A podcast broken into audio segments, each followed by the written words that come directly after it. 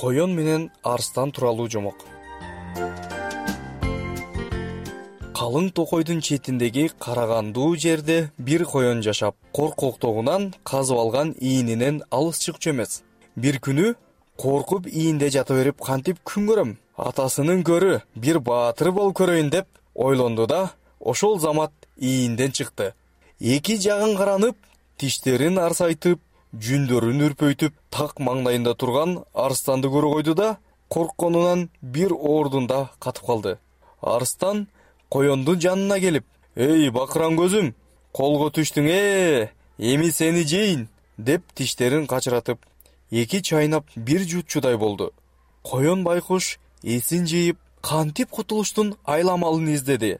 Акыры арстанга кадырлуу арстан жесең жегин бирок айта турган бир сырым бар деди. Анда тезирээк айтып кал. Сен өтө күчтүүсүң ага толук ишенем. Бирок тетиги кудукта сенден да чоң сенден да күчтүү бир арстан бар. Ал бая күнү сени жеймин деп ачууланып жатканын уккан болчумун. Оболу ошого бир беттешип көр. Сенин күчүңдү да көрүп калайын. Мен кайда качмак элем? Андан анан деле жейсиң. Сырттаным деп жалооруй карайт.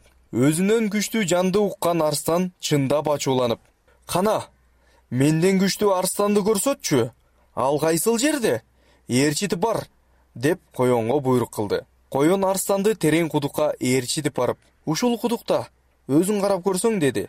Арстан кудукка элеңдеп карап арстан кудукка эңкейип карап өзүнүн сөлөкөтүн суудан көрдү да мен ушул саксайган арстандан кантип эле кем калайын кана кармашып көрөлү деп ачуусу менен кудукка секирип түшөт. Сууга барып шалп этип түшүп тумчугуп өлөт ошентип коен амал менен арстанды өлтүрүп аны макоо туура деп секирип жолго түштү